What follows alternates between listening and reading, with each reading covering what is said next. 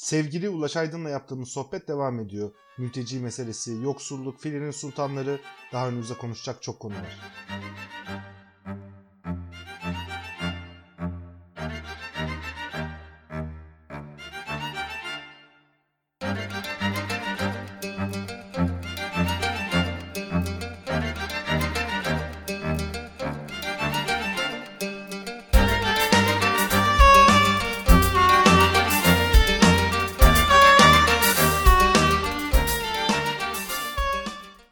5 milyon insan oturup geliyorsa toplumunu sağlıklı bir şekilde tartışmak zorunda.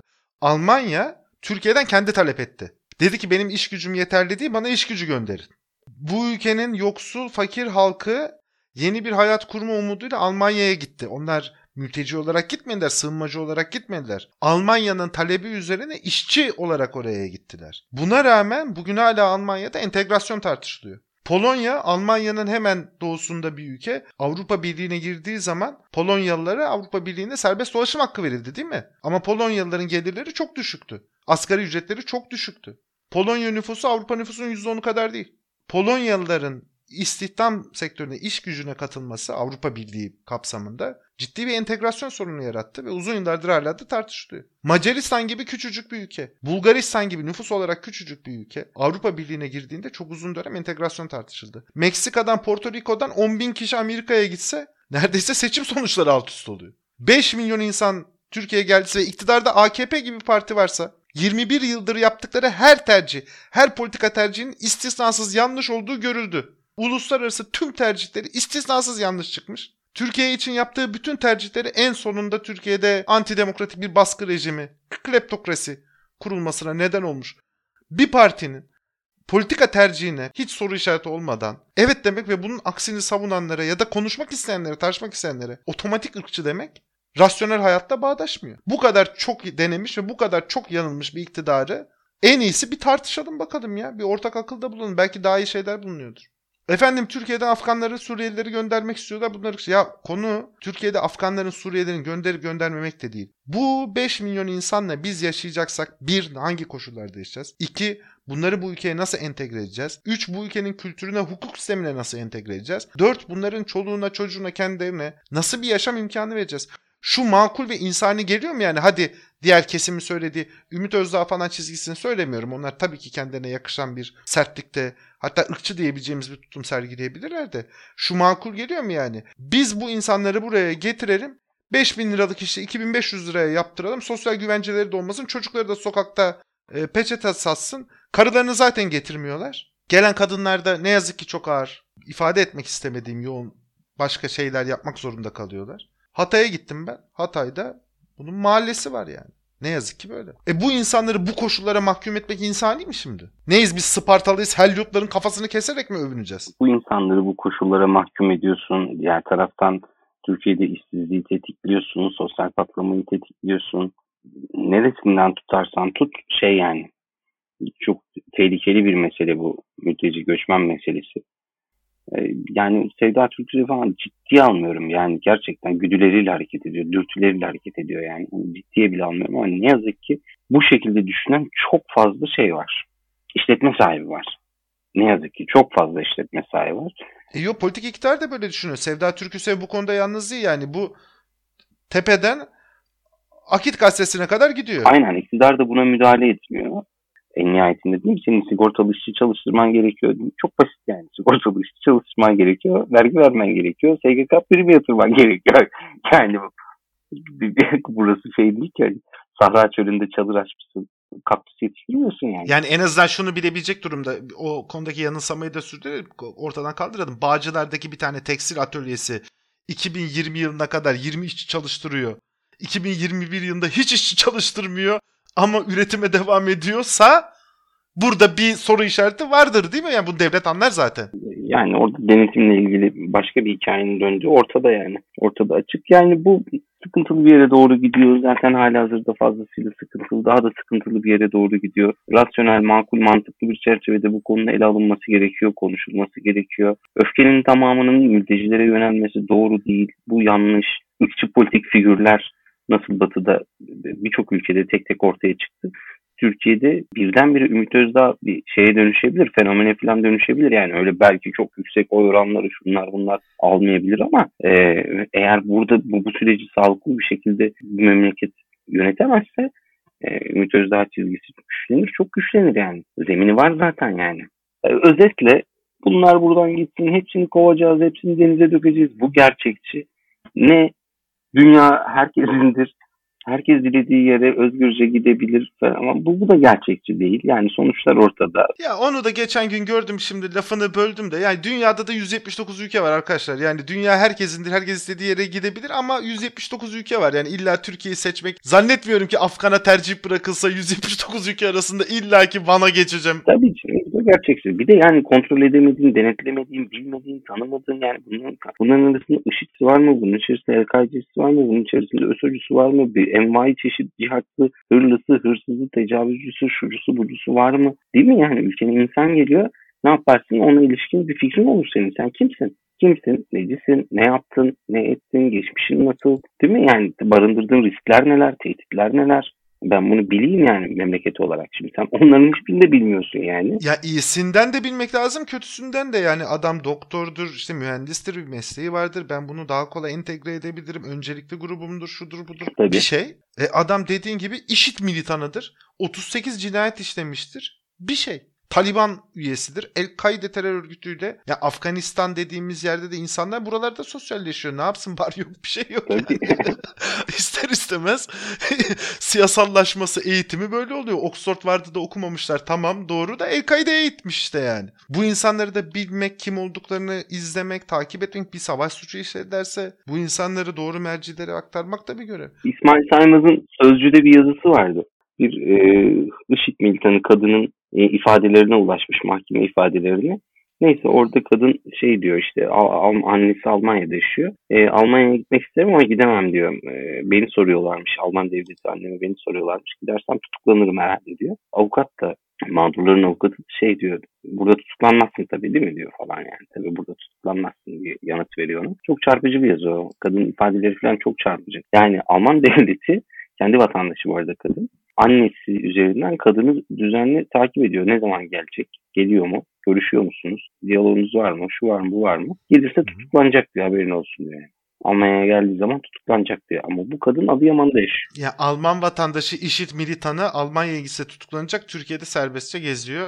Bu da harika bir... Evet Adıyaman, Adıyaman'da dolaşıyor yani şimdi. Hani serbest olmayabilir. Yani Türkiye'de tutuklu olabilir ama şey Türkiye'de en azından tutuklanma kaygısı gütmüyor tutuklu olsa bile. Çok çarpıcı yani. Kadın av, avukat da şey diyor yani. Tabii Türkiye'de tutuklanmazsın diyor yani. Türkiye'de böyle bir risk yok diyor şimdi. Çivisi çıkmış dediğin gibi. Bu arada çivisi çıkan başka şeyler de var. Küresel ısınma. Bir kısmı da bizim yapılaşmamızın büyük sonucu bir kısmı işte küresel ısınma artık diyebilirim.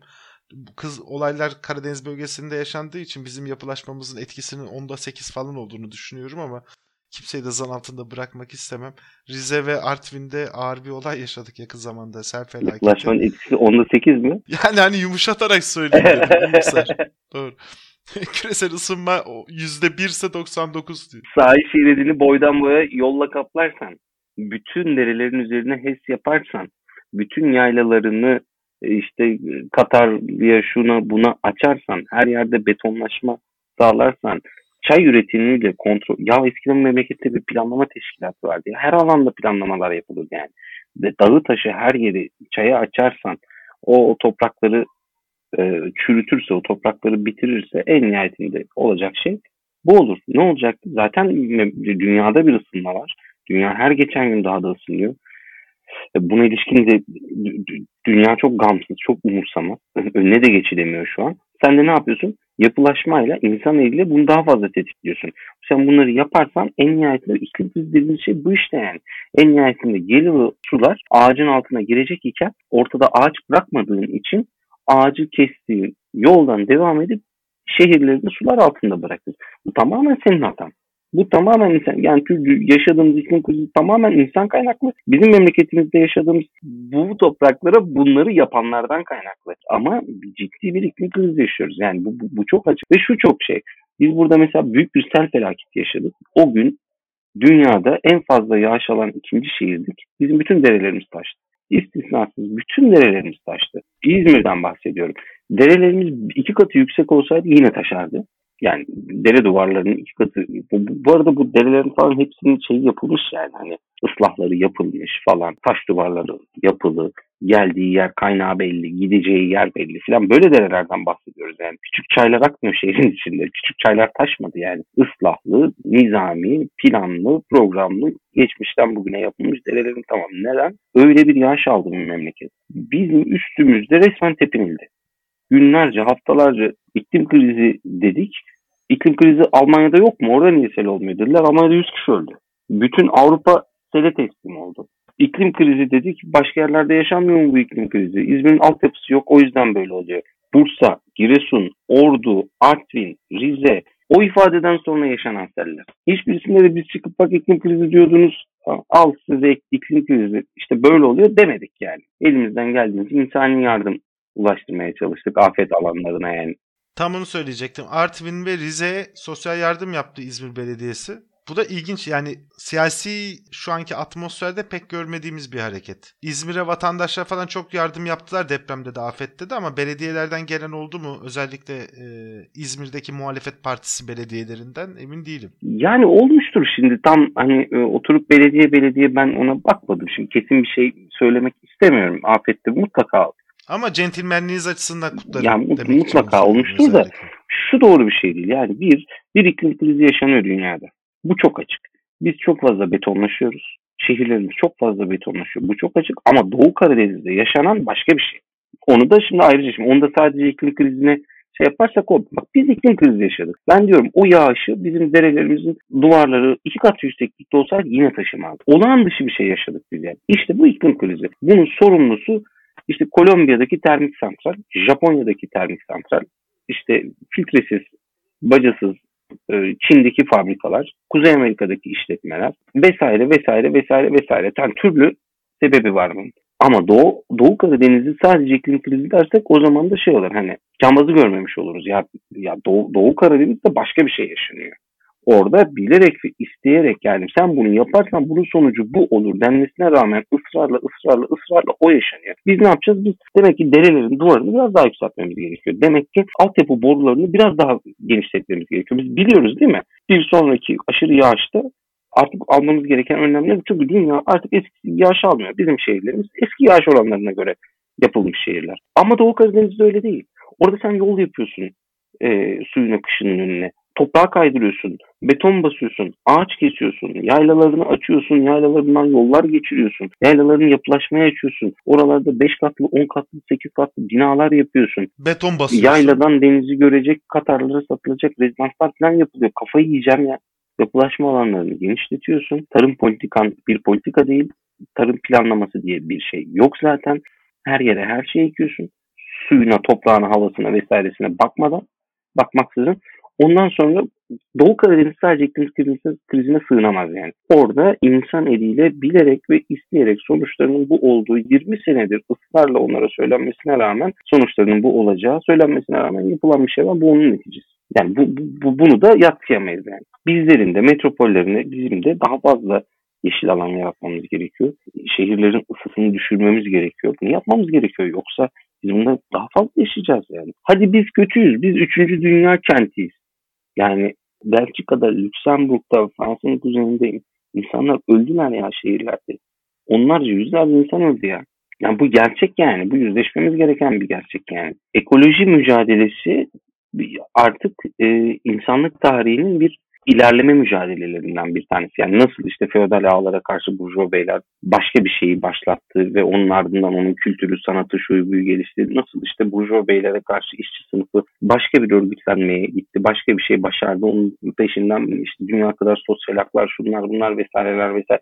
Yani dünya işte en ilkel çağdan, en ilkel e, topluluklardan bu yana üstüne koya koya koya koya koya koya daha çağdaş, daha medeni, daha insani bir şekilde evet. üstüne koya koya ilerlemeye çalışıyor.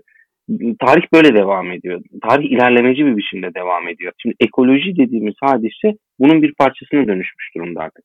Yani emeği savunuyorsun diyelim ya da kültürü savunuyorsun diyelim ya da insan haklarını savunuyorsun. Adaleti, eşitliği, özgürlüğü, kardeşliği savunuyorsun.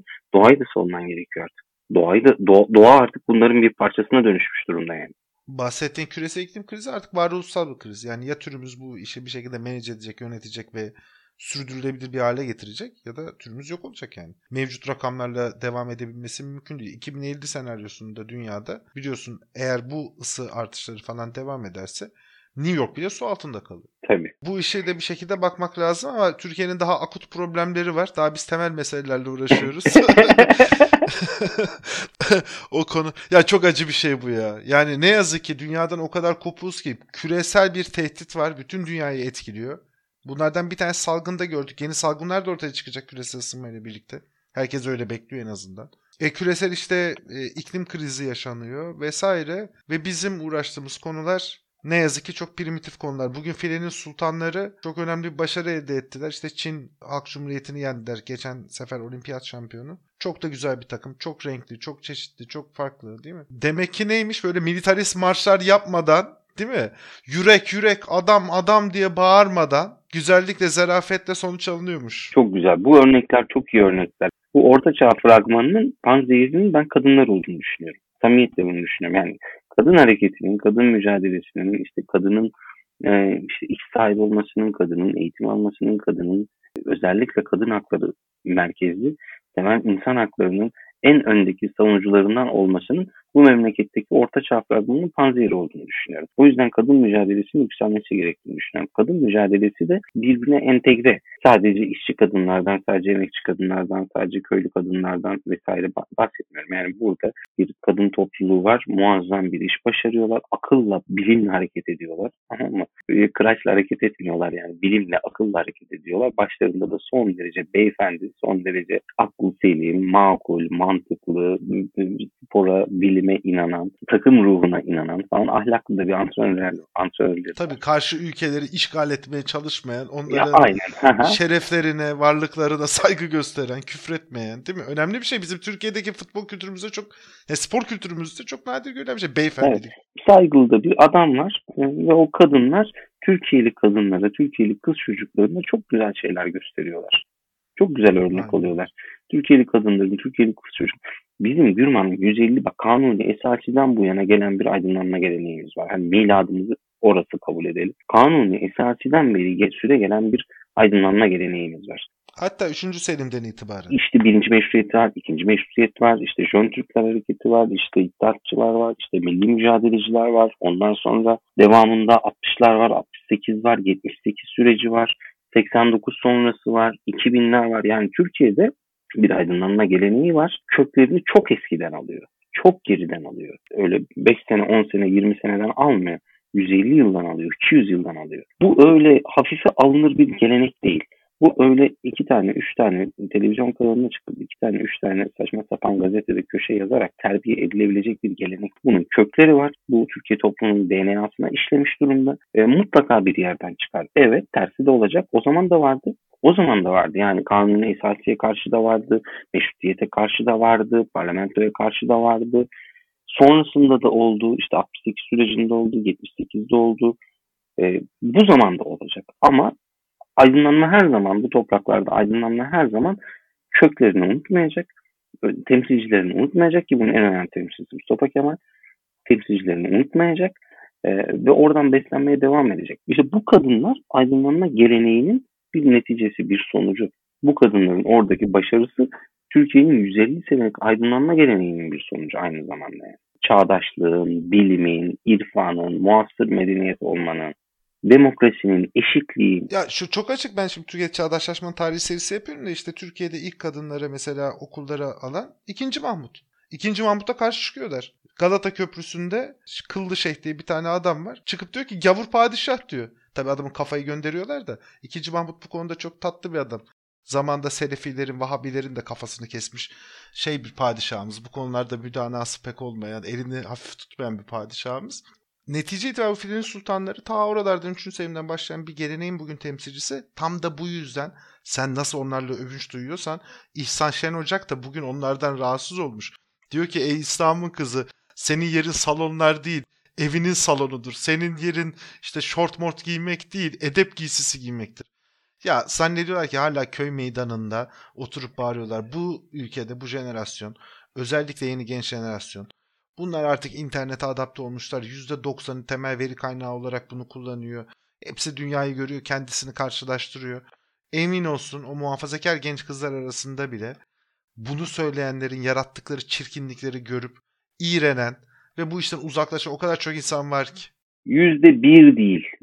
Yüzde bir değil. Yani Türkiye'de bu selefi cihatçı kafanın temsil, bu, bu, bu temsiliyetin karşılığı yüzde bir filan değil yani. Yani ben geçen Twitter'da yazdım hani bu e, Taliban düşüncesine, Taliban inancına yakın meselesini bir de Üsküdar'da nargileciler lattesini yudumlayan muhafazakar yeni zenginlerimize soralım diye. Onlar ne düşünüyor? Yani eminim latteyi Kabil'de kırbaçlanmaya tercih ediyorlardır yani. Ve bu Selefi cihatçı kafanın tamam mı? Bu radikal örneğin Türkiye'de yüzde bir karşılığı var. Ama Türkiye'deki muhafazakarlık, Türkiye'deki İslamcı gelenek onun anlamda hani Filenin sultanlarının temsil ettiği zihniyete karşı bir defansı var yani. Bu çok daha geniş bir kitle.